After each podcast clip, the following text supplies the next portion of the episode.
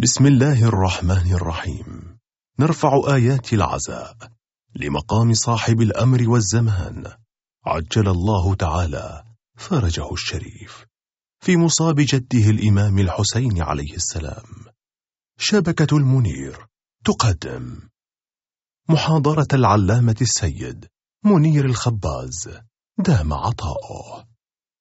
لليلة الأولى من شهر محرم الحرام لعام 1438 للهجرة النبوية بعنوان العلم والإيمان إخوان أم ضدان.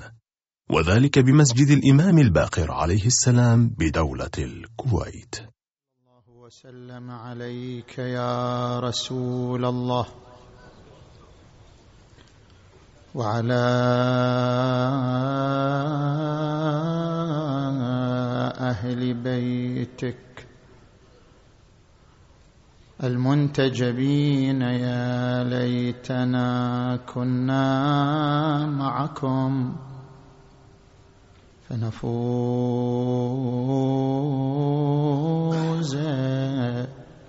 فوزا عظيما.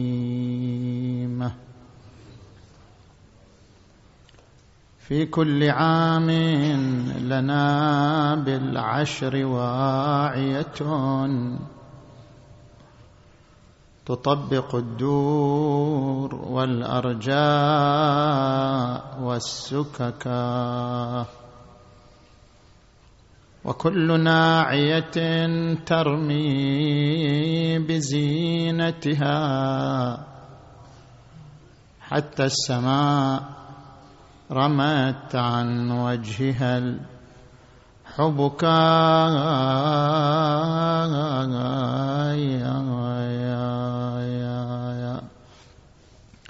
وإن تجد ضاحكا منا فلا عجب. إذ ربما بسم المغبون. أو ضحك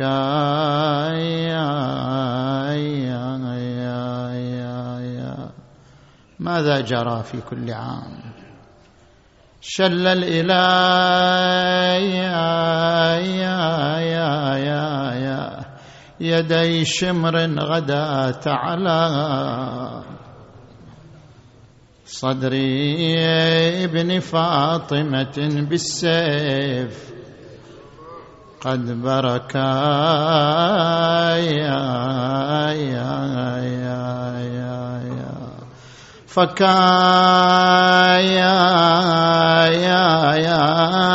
ما طبق الأدوار قاطبة. من يومه للتلاقي مأتما يا يا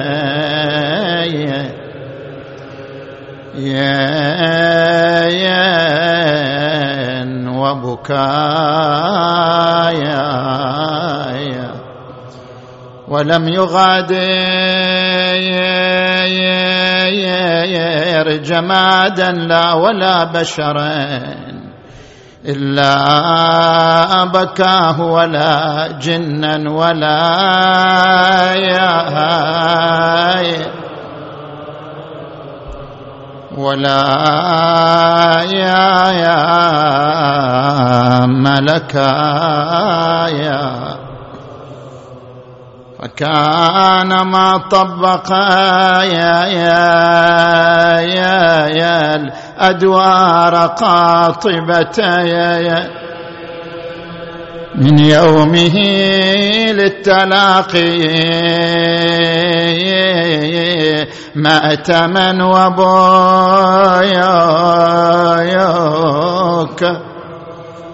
ولم يغادر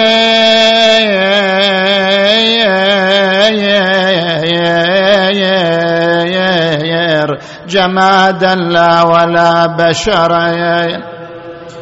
لا بكاه ولا جنايا ولا ملاياك.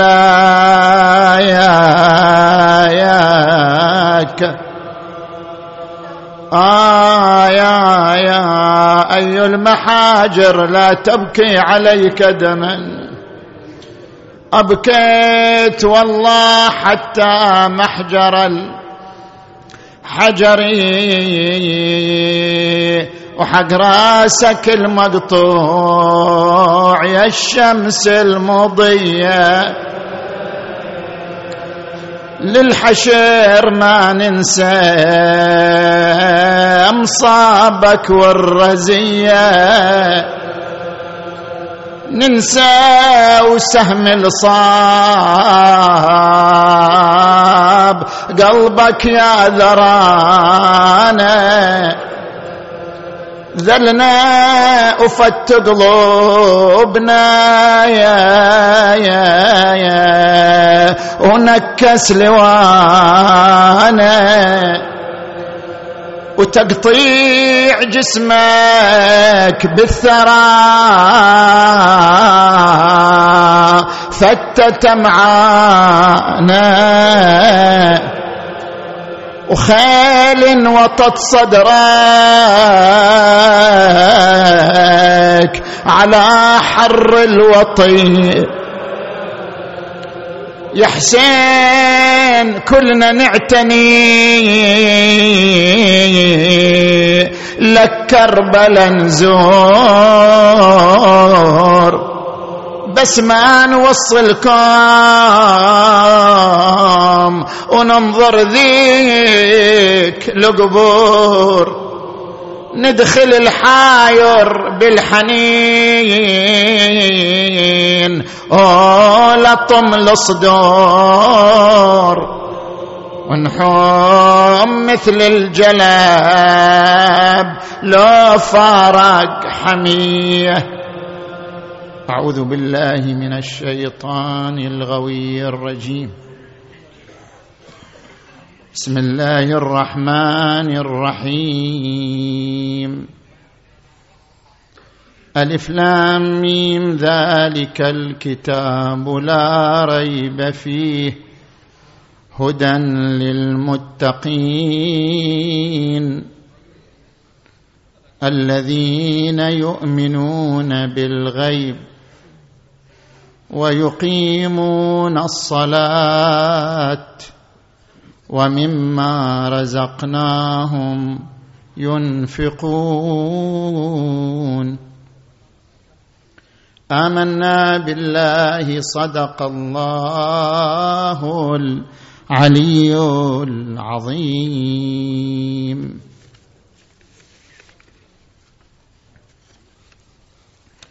انطلاقا من الآية المباركة يتركز حديثنا حول هل أن بين الإيمان والعلم صراعا أم أن بينهما انسجاما وتلاؤما. عندما نراجع العلماء نجد أن هناك فريقين. فريق يرفض الإيمان يعتبر الإيمان ضدا للعلم. وفريق يرى أن هناك انسجام بين الإيمان والعلم. نجي مثلا إلى دوكنز صاحب كتاب وهم الإله. يقول إذا كان الايدز من الأخطار التي تهدد البشرية فإن الإيمان بإله هو أحد أكبر الشرور مثل الايدز إن الإيمان رذيلة في كل دين لأنه اعتقاد لا يقف وراءه دليل. تلاحظ أيضا عالم فيزيائي آخر نيتشا مثلا يقول إن الإله قد مات. وإن العلم قد دفن. تلاحظ أيضا عالم ثالث أتكنز. يقول إن العلم والدين لا يمكن أن يتعايشا إما علم إما دين. هذا فريق. يقابله فريق آخر. هوفتن عالم المناخ. يقول إن علمنا يؤمن بالإله. أن الإله هو الذي يقف وراء قصة هذا العالم. إذا لاحظنا النظام المدهش الانضباط المصداقية التعقيد المذهل. إذا لاحظنا هذه الظواهر في العالم كل ذلك ليس إلا ممارسات الإله. زين.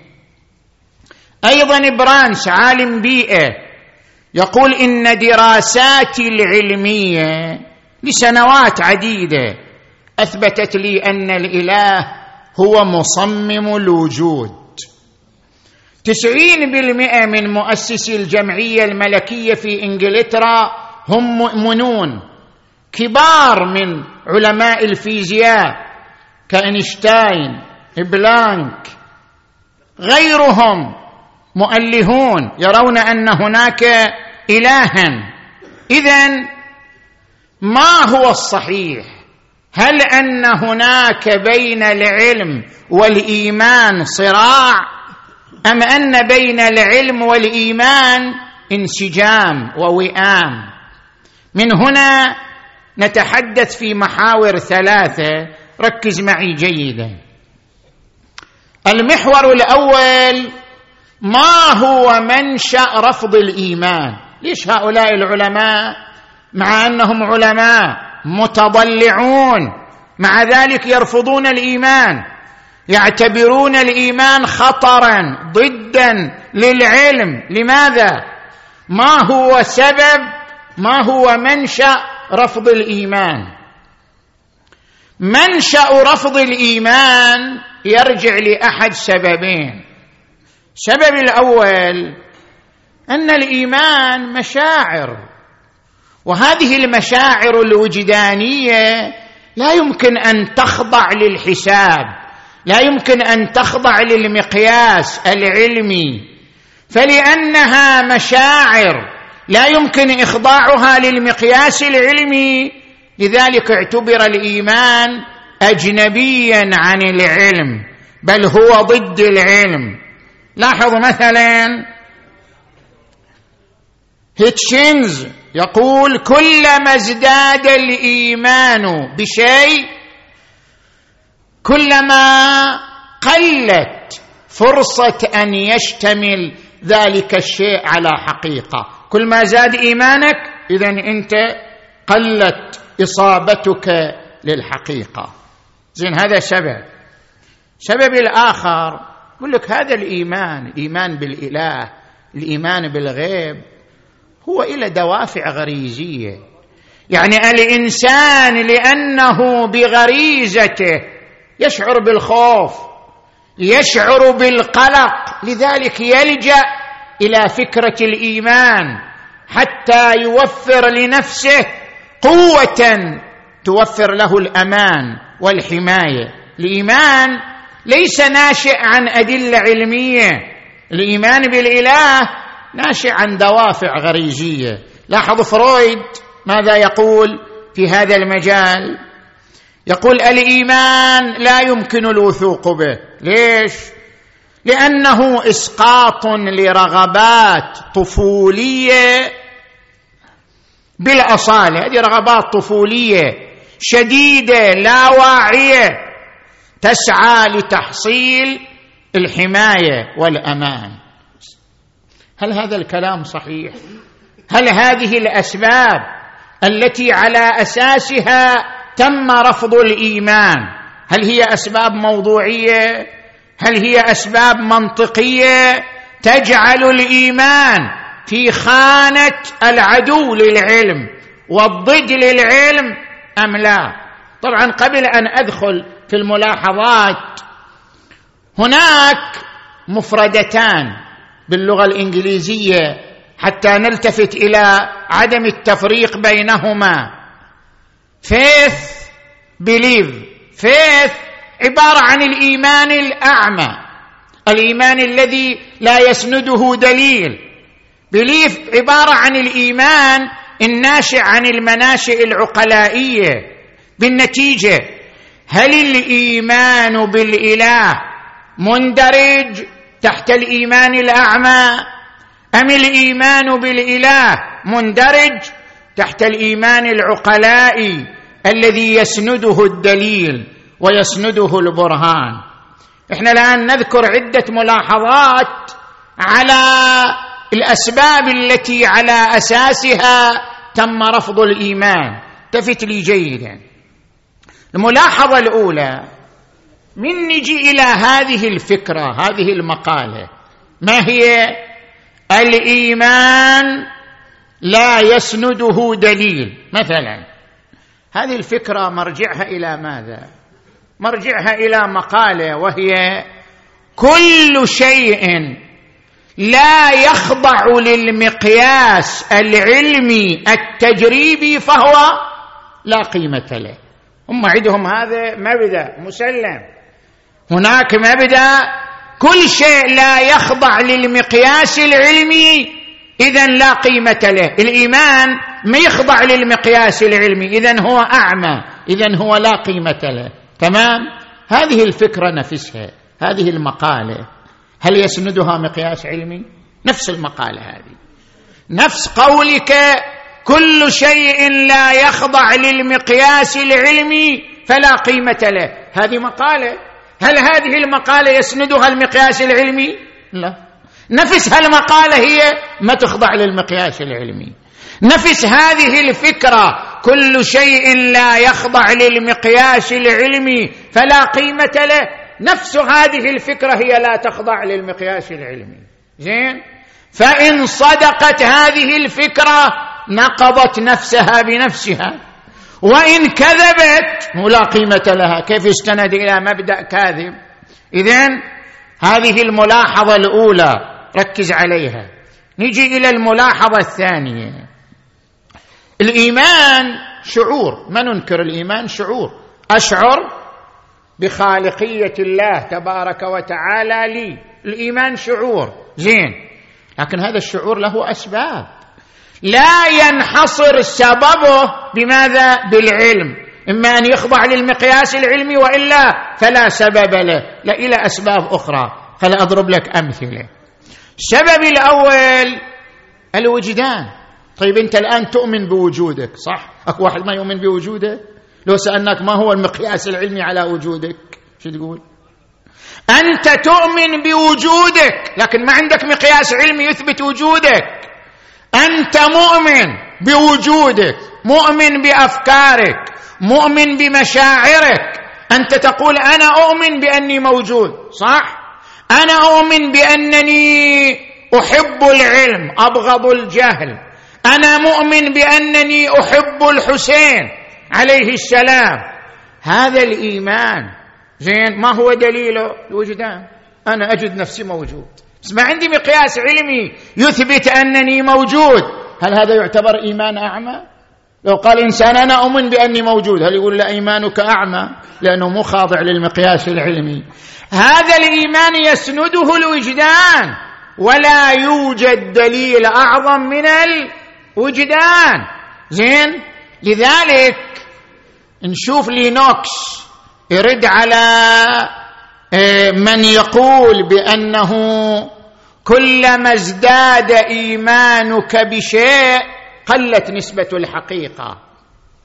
هيتشينز الذي ذكرنا كلامه لينوكس يرد عليه. يقول له طيب أنت تؤمن بوجودك أم لا؟ إذا ما تؤمن بوجودك هذه مشكلة.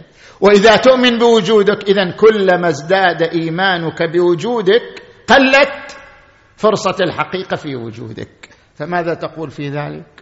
زين؟ فليس كل إيمان لا قيمة له. هذا السبب الأول. السبب الثاني قد يكون سبب الإيمان دليل حساب الاحتمالات يعني جمع القرائن. يعني مثلا الآن أعطيك مثال. أنت تؤمن بالتخصصات تؤمن بأن الطب تخصص نافع تؤمن بأن الفيزياء والرياضيات تخصص نافع. ليش تؤمن بذلك؟ بدليل حساب الاحتمالات.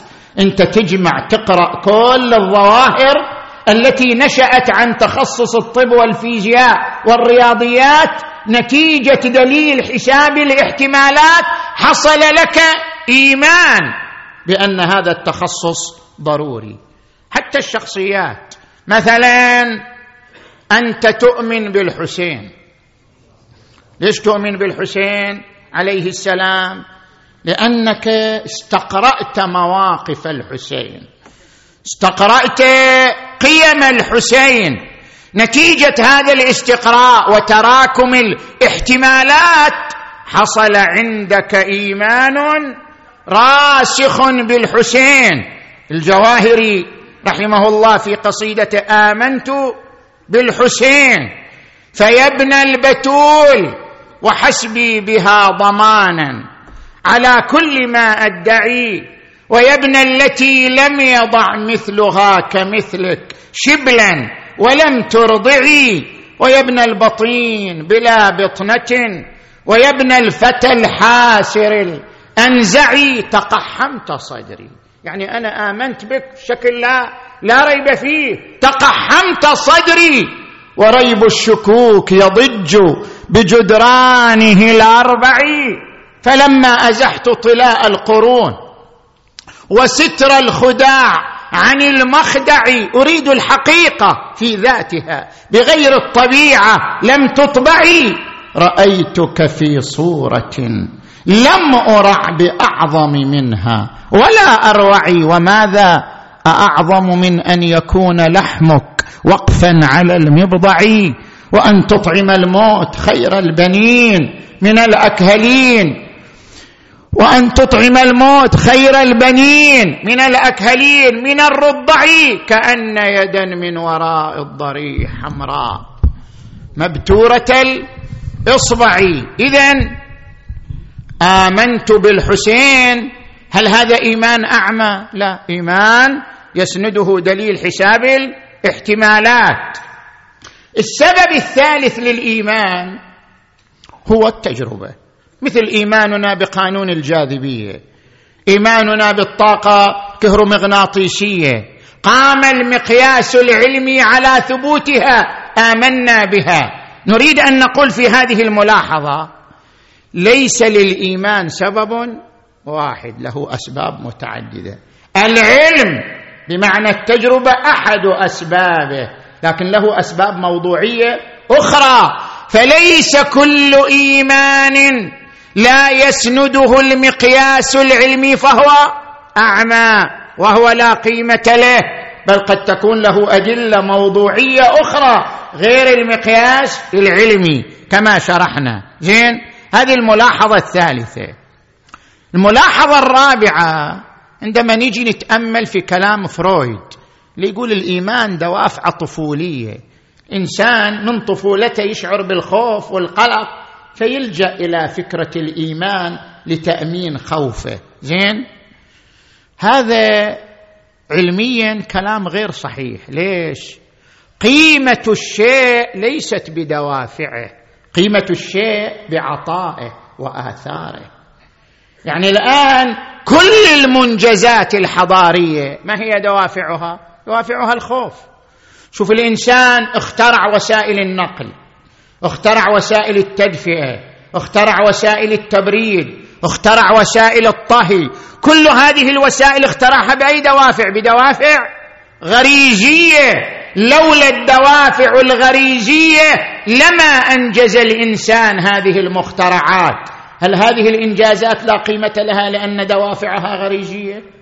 قيمة الشيء ليست بدوافعه قيمة الشيء بأثره وعطائه. لنفترض أن الإيمان دوافعه غريزية. الغريزة دفعتنا للإيمان. لكن ليست قيمة الإيمان بدوافعه قيمة الإيمان بعطائه. ما هو تأثير الإيمان على شخصية الإنسان؟ ما هو تأثير الإيمان على سلوك الإنسان؟ ما هو تأثير الإيمان على بنية كيان الإنسان؟ قيمة الإيمان بعطائه لا بدوافعه. لذلك فيتز هنا يرد على آه، فرويد. يقول نشأ الإيمان عن دوافع نفسية لا يعني أنه إيمان أعمى. فالإنجازات الحضارية دوافعها نفسية من أجل حماية الإنسان ولكن هذا لا يلغي قيمتها. الملاحظة الرابعة. هناك مشكلة في الفلسفة يسموها مشكلة التعميم إنك تعمم النظرية على كل شيء أو تعمم الفرضية على كل شيء. هذه مشكلة. كيف تحل مشكلة التعميم؟ تحتاج جواب فلسفي. المهم مع ذلك بعض التعميمات يتوقف عليها العلم. بدون هالتعميمات ما يصير علم. مع أن التعميم مشكلة لكن مع ذلك لولاه لما قام العلم. كيف؟ أضرب لك مثال. الآن هذا الفيزيائي أو الكيميائي أو الطبيب أو أنا أو أنت نؤمن بأن الشمس ستشرق غدا لو لا؟ واحد تقول له ترى الشمس ما بتطلع باكر. يقبل منك هذا الكلام. لا ما يصير الشمس راح تطلع. الجميع يؤمن بأن الشمس ستشرق غدا. ومن جهة المشرق. الكل يؤمن بذلك. لكن هذا الإيمان ما عليه أي دليل؟ تصدق ما في أي دليل عليه. أي دليل ما عندك على أن الشمس ستمضي على عادتها على وتيرتها ستشرق غدا من نفس المشرق؟ ما عندك أي دليل عليه. وما في أي دليل علمي عليه. طيب كيف؟ لولا هذا الإيمان ما قام العلم.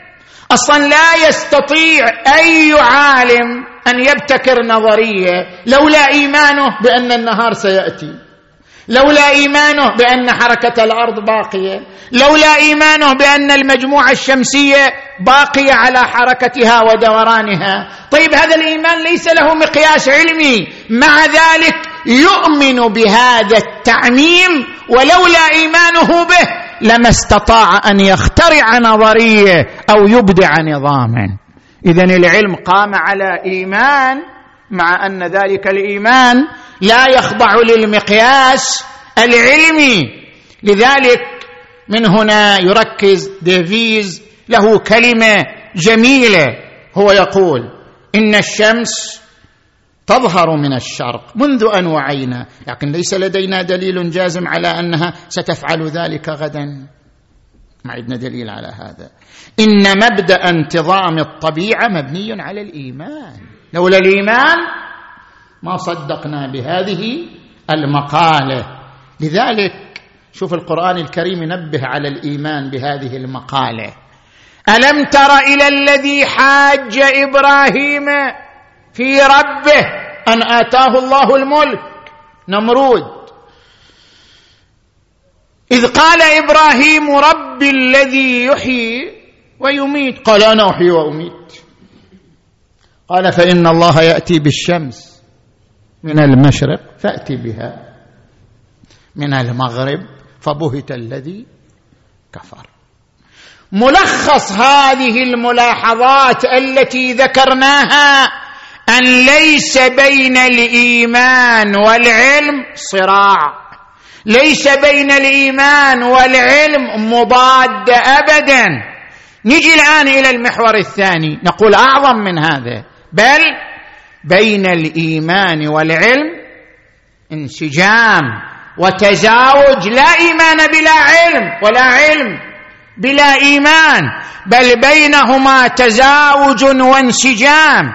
كيف نثبت هذا؟ أن الإيمان متلائم مع العلم متزاوج مع العلم. أذكر لك الآن عدة ثوابت يقوم عليها العلم هي ثوابت إيمانية هي ركائز إيمانية. الثابت الأول القانونية. في شيء في هذا الكون بدون قانون؟ ما في.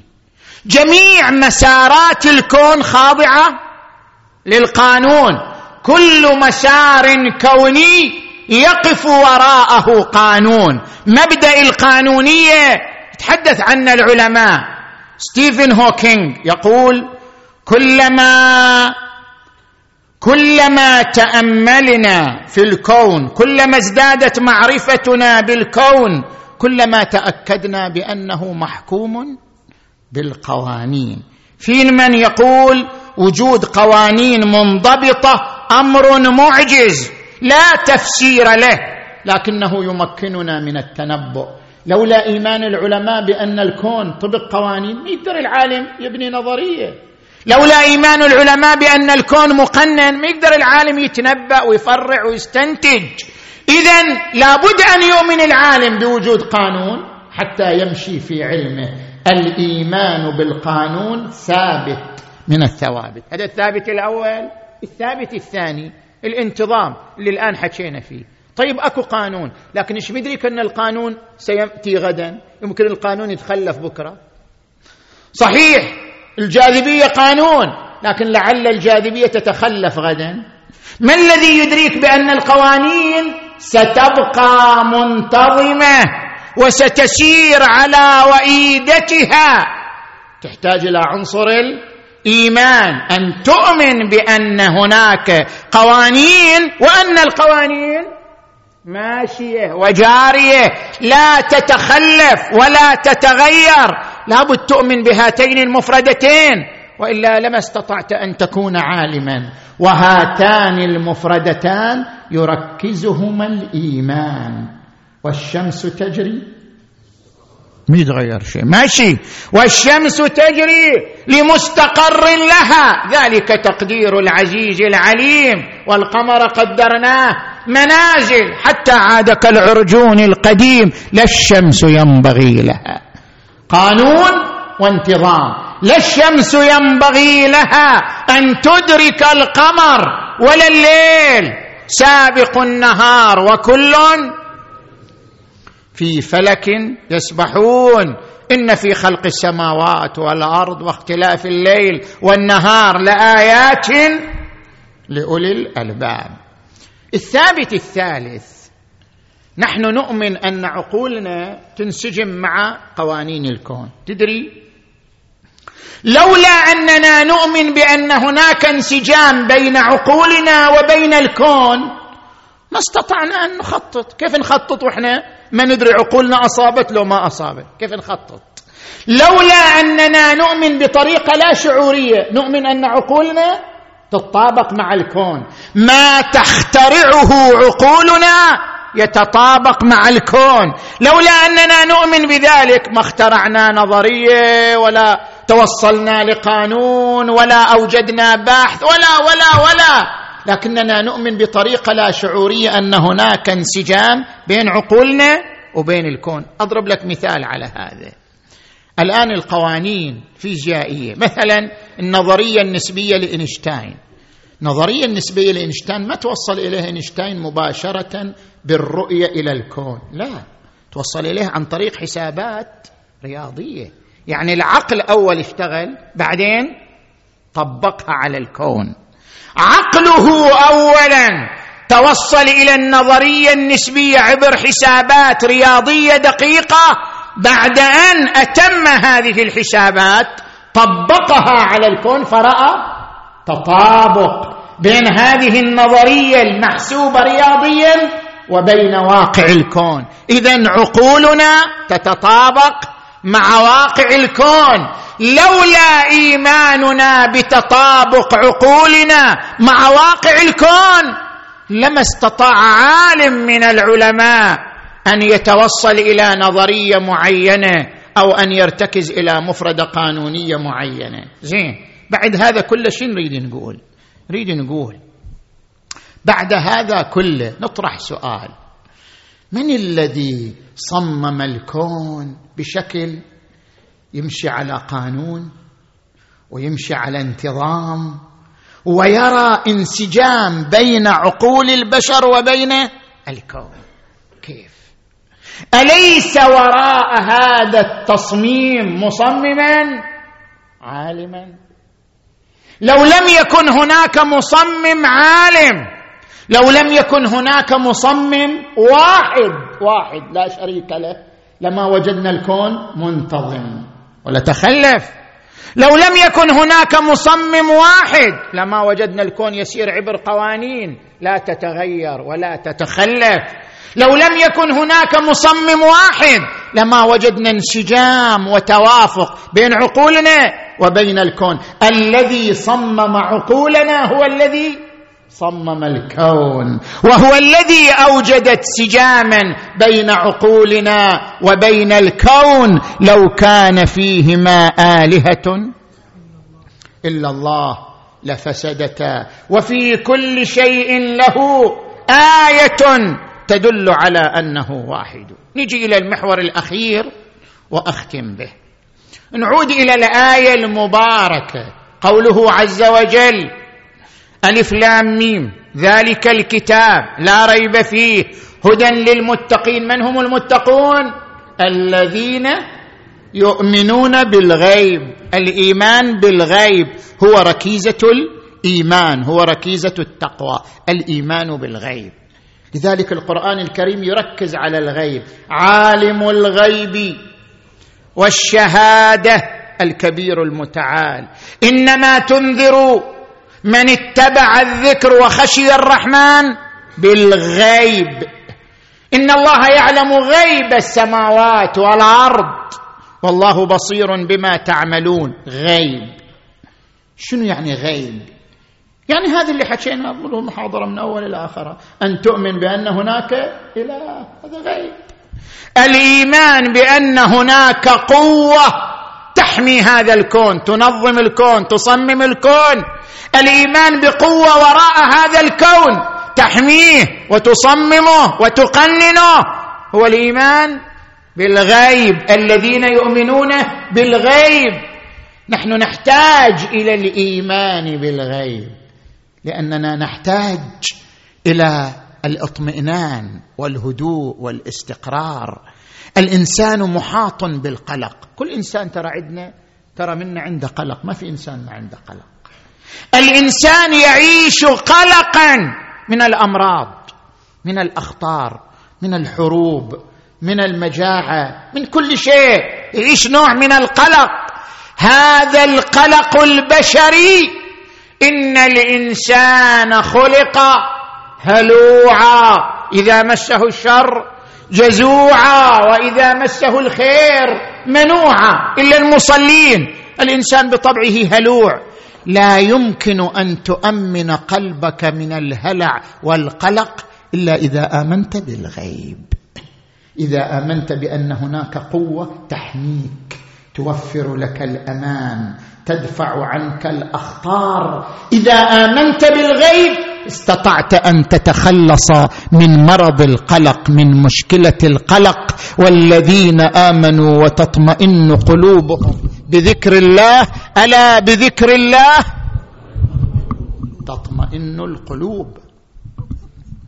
إنما المؤمنون الذين إذا ذكر الله وجلت قلوبهم وإذا تليت عليهم آياته زادتهم إيمانا وعلى ربهم يتوكلون. قل لن يصيبنا إلا ما كتب الله لنا هو مولانا. وعلى الله فليتوكل المؤمنون. اذا أنت تحتاج إلى الإيمان بالغيب. لو لم تؤمن بالغيب لما استطعت أن تسير في حياتك. إيش مدريك أن الدنيا رايحة تتغير أو لا؟ إيش مدريك أن الكون سيبقى منتظم ويسير وفق قوانين ثابتة؟ إيش مدريك؟ لولا إيمانك بالغيب لولا إيمانك بوجود قوة تحفظ هذا الكون. طبق قوانين صارمة لما استطعت أن تتفاءل بالحياة. ولذلك ورد عن النبي محمد.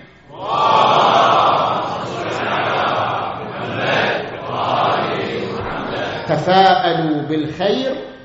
تجدوه. امضي متفائلا لا تتوقف. زين. ما هو الدليل؟ بد واحد إنسان ملحد يسأل شنو دليلك على أن في غيب؟ ما في غيب ما في إلا هذا العالم المادي اللي إحنا نعيش به. ما هو دليلك على أن هناك غيب؟ يلا. ارجع لعلماء النفس.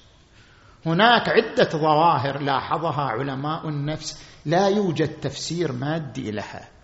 لا يوجد تفسير إلا الغيب. شلون؟ الظاهرة الأولى. الظاهرة الأولى الألفة. الشعور بالألفة. كيف؟ انت تلتقي مع انسان شوف كأنك التقيت بشنو؟ من زمان مع انك أول مرة تلتقي به. تلتقي مع انسان تجد غريب بسرعة انسجمت وياه بسرعة تحدثت وياه. كأنك تعرفه من عشرات السنين. كأن هذا الإنسان مر عليك. كأنك التقيت به يوما من الأيام. مع أنه قطعا هي أول مرة تلتقي به. ما هو سر الشعور بالألفة؟ كيف تألف إنسانا؟ التقيت به أول مرة وكأنك تعرفه منذ سنين. شنو التفسير المادي إلى الشعور بالألفة؟ طبعا بعضهم حاول يقول المخ النصف الأول من المخ. يدرك هذا الإنسان قبل النصف الثاني بجزء ضئيل من الثانية. نتيجة هذا التقدم الزمني. تشعر أنك تعرفه مع أنك ما عرفت إلا قبل جزء ضئيل من الثانية. هذا كلام. لا يتطابق مع الوجدان. أنت بوجدانك تشعر أنك تعرفه منذ عشرات السنين مو منذ ثانية.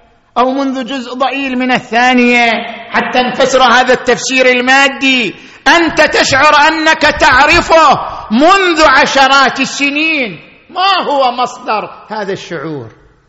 ما في أي تفسير مادي. يجي الإيمان بالغيب يفسر لك ذلك. يقول الشعور بالألفة مبدأه اللقاء في عالم آخر. انتما التقيتما في عالم قبل هذا العالم. ورد عن النبي محمد.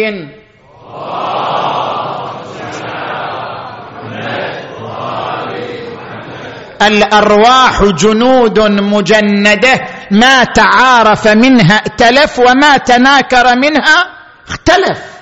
أنت تشوف أرواح تقبل عليها تشوف أرواح تشمئز منها مع أنك لأول مرة. رأيتها. ما هو مصدر ذلك؟ أكو لقاء في عالم آخر. ما هو هذا العالم الآخر؟ شوف القرآن عندما تقرأه يرشدك إلى هذا العالم الآخر. اقرأ قوله تعالى لقد جئتمونا فرادا كما خلقناكم أول مرة. يعني شلون؟ يعني الإنسان خلق مرتين. أول مرة يعني خلق مرتين بعد. ولقد جئتمونا فرادا كما خلقناكم أول مرة. يعني أنت مرتين خلقت لكن المرة الثانية ما خلقت فرادا هل جئت للدنيا فرادا طبعا لا جئت أب وأم. جئت من بطن أمك اذا ما جئت فرادا جئت من أب وأم. لكن الآية تقول فرادا ولقد جئتمونا فرادا كما خلقناكم. أول مرة بينما المرة التي خلقنا فيها ما جئنا فرادا. جئنا من أب وأم وعشيرة ومجتمع. اذا أين خلقنا فرادا؟ اذا هناك عالم قبل هذا العالم. هناك خلق قبل هذا الخلق. ذلك الخلق وذلك العالم. خلقت فيه شنو؟ مفرد. لا أب لا أم لا مجتمع لا عشيرة خلقت مفردا. خلقت روحا تسبح الله وتهلله. ذاك العالم.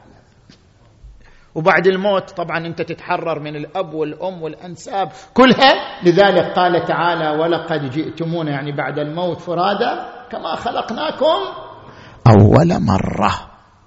هناك لقاء في عالم آخر قبل هذا العالم. لذلك إذا رأيت هذا الإنسان تألفه بسرعة جدا. زين. نجي إلى الظاهرة الثانية. الظاهرة الثانية الرؤية الصادقة. حتى هذا الإنسان الملحد يسأله ما مرت عليك أحلام صادقة؟ طبعا مرت عليه. ما في إنسان ما مرت عليه أحلام صادقة. يرى رؤية ثم بعد شهر شهرين تتطابق شنو؟ الرؤية التي رآها في المنام يجد تفسيرها على أرض الواقع. ما هو التفسير المادي لذلك؟ مع أن الشيء لم يحصل بعد ما حصل. الآن أنا في عالم النوم أرى رؤيا. بعد أيام شوف الرؤيه تطبقت. طيب ما هو التفسير المادي؟ مع أنها لم يحصل شيء بعد. مع ذلك رأيت الصورة في المنام. شنو التفسير المادي لذلك؟ الرؤيه طبعا رمز. رمز للواقع. شوف يعني الآن أنت مثلا ترى في المنام أنك في ماء صافي الماء الصافي رمز للخير والرزق والبركة. أنت ترى في المنام أسنانك تتساقط يقول لك هذا رمز لفقدان الأصدقاء لفقدان الإخوان. إنسان يرى في المنام ذئاب تفترسه هذا رمز لوجود مكيده ضده وجود كيد ضده. الرؤية دائما رمز رمز إلى المستقبل.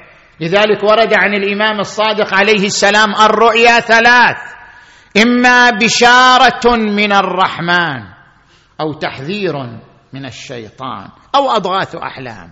نتكلم عن الرؤيه الصادقة. أنا أرى شيء بعدين أشوف بعد أيام يتحقق في الواقع. هذه الرؤيه الصادقة ليس لها تفسير مادي. كيف تستطيع النفس أثناء النوم أن تستشرف المستقبل؟ وأن تكتشف المستقبل مع أنه لم يوجد بعد. لا يوجد تفسير مادي للرؤية الصادقة. التفسير هو الإيمان بالغيب. أن هناك عالم وراء هذا العالم المادي. النفس أثناء النوم ترتقي إلى ذلك العالم. فترى فيه الصور الصادقة الصحيحة. لاحظوا الآية المباركة. الله يتوفى الأنفس حين موتها والتي لم تمت في منامها فيمسك التي قضى عليها الموت ويرسل الأخرى. يعني النفس ارتقت راحت إلى عالم ثاني لكن بعدين لأن الموت لم يجئ بعد أرسلت إلى الجسد مرة أخرى إلى أجل مسمى فيمسك التي قضى عليها الموت ويرسل الأخرى إلى أجل مسمى. زين. الظاهرة الثالثة ظاهرة رؤية ما بعد الموت الاولي للقلب. بعض الأطباء أجروا دراسة على 63 مريض. هذا المريض يتوقف قلبه يحكم عليه بالموت. كلينيكيا يحكم عليه بأنه مات. ثم يرجع نبضه مرة أخرى. 63 مريض سألوهم عن ماذا رأوا بعد توقف القلب. رأوا أنهم ارتفعوا ورأوا أجسادهم على الاسره ورأوا الأطباء تحيط بهم ورأوا الطبيب والممرض مثلا مشتغلين بإسعاف هذا المريض وإعادة قلبه إلى النبض مرة أخرى. طيب ما الذي راه هذا الذي؟ شنو؟ فارق قلبه. هل يوجد تفسير مادي لذلك؟ ما هذه الرؤيه التي رآها عندما فارق قلبه؟ لا يوجد تفسير مادي لكل هذه الظواهر إلا الإيمان بالغيب. أكو غيب. وراء عالمك المادي يوجد غيب. من خلاله صارت الرؤيه الصادقة. من خلاله صار الشعور بالألفة. من خلاله من خلال الإيمان بالغيب صدقنا هذه الدراسات المادية المعينة. هناك عالم شهادة نعيش فيه وهناك عالم غيب وهو عالم الملكوت. الوصول إلى عالم الملكوت يؤدي إلى حصول اليقين بالواقع. لذلك يقول القرآن الكريم في حق إبراهيم الخليل عليه وعلى نبينا وآله أفضل الصلاة والسلام وكذلك نري إبراهيم. ملكوت السماوات والأرض وليكون من الموقنين. رؤية الملكوت طريق إلى حصول اليقين. صلوا على محمد وآل محمد.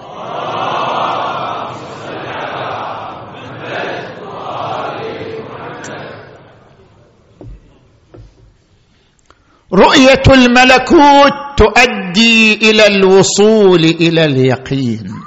علي بن أبي طالب عليه السلام يقول لو كشف لي الغطاء ما ازددت يقينا. عالم الملكوت انكشف له فوصل إلى درجة اليقين. الحسين بن علي.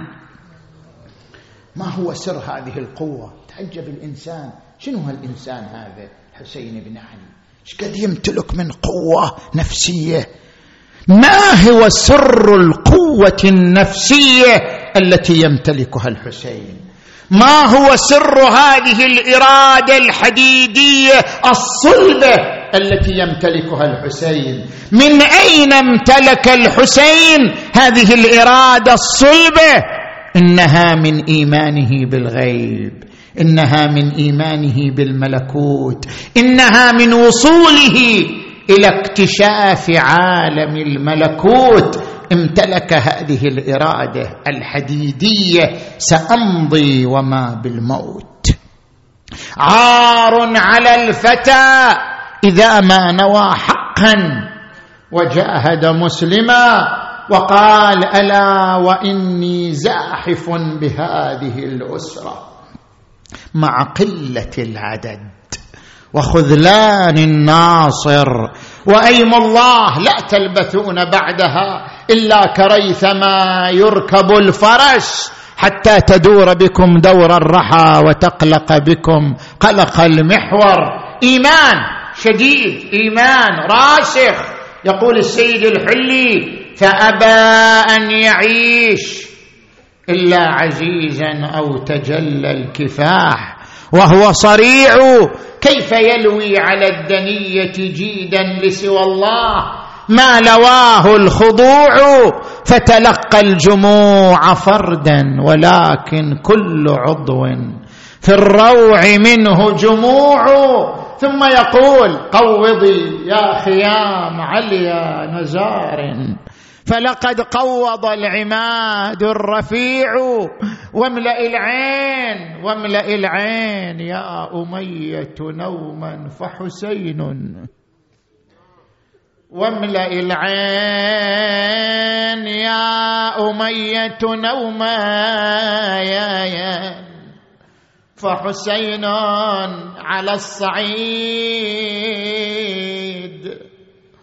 صريع.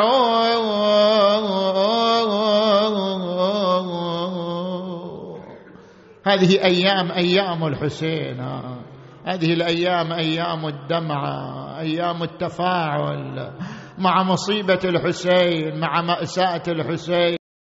سيدي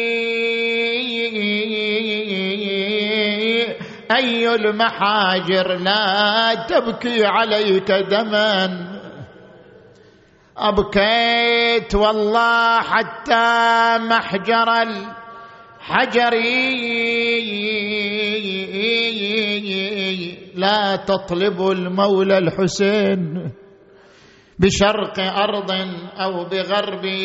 ودعوا الجميع وعرجوا نحوي. فمدفنه بقلبي. نحن جئنا هذه الليالي نعزي فاطمة الزهراء. نواسي مولانا صاحب العصر والزمان في هذه المصيبة. المعزى الأعظم فاطمة الزهراء. حتى الإمام صاحب العصر والزمان يعزي أمه الزهراء هي صاحبة المصيبة هي صاحبة العزاء. لذلك نتوجه في أول ليلة من المحرم إلى الزهراء إلى قبر الزهراء. كلنا بصوت واحد ها يا راكبا إن جئت طيبة مقبلا. يا راكبا إن جئت طيبة مقبله فعرج على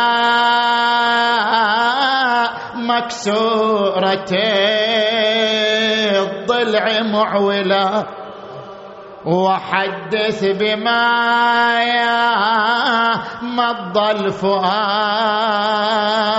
مفصلا. شي يقول شي يقول بصوتك ها. أفاطمة لا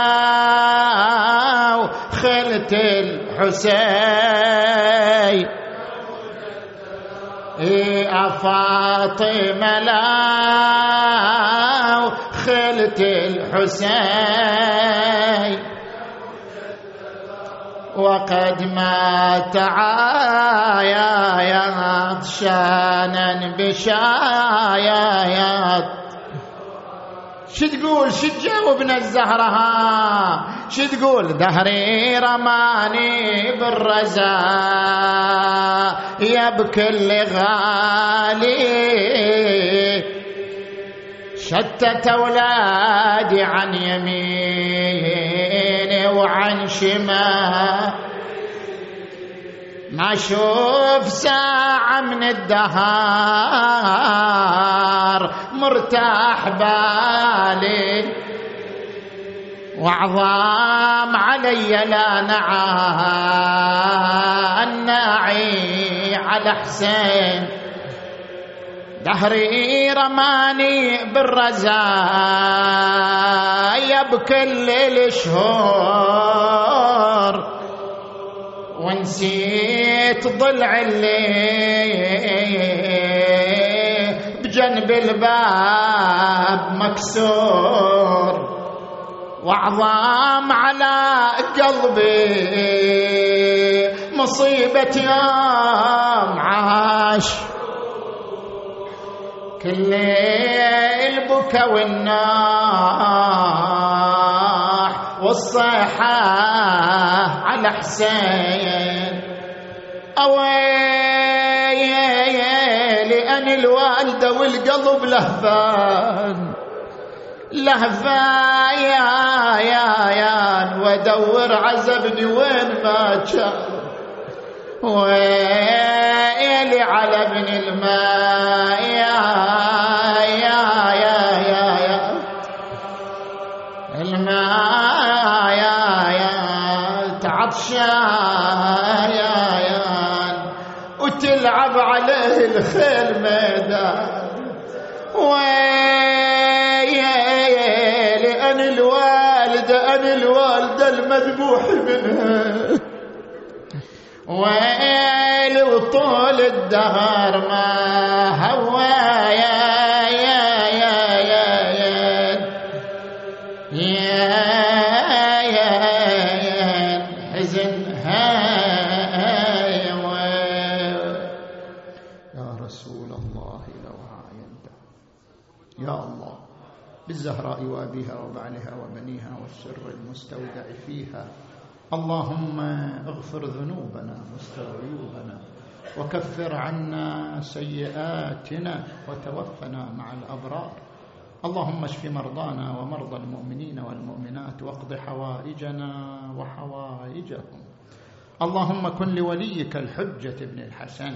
صلواتك عليه وعلى آبائه في هذه الساعة وفي كل ساعة.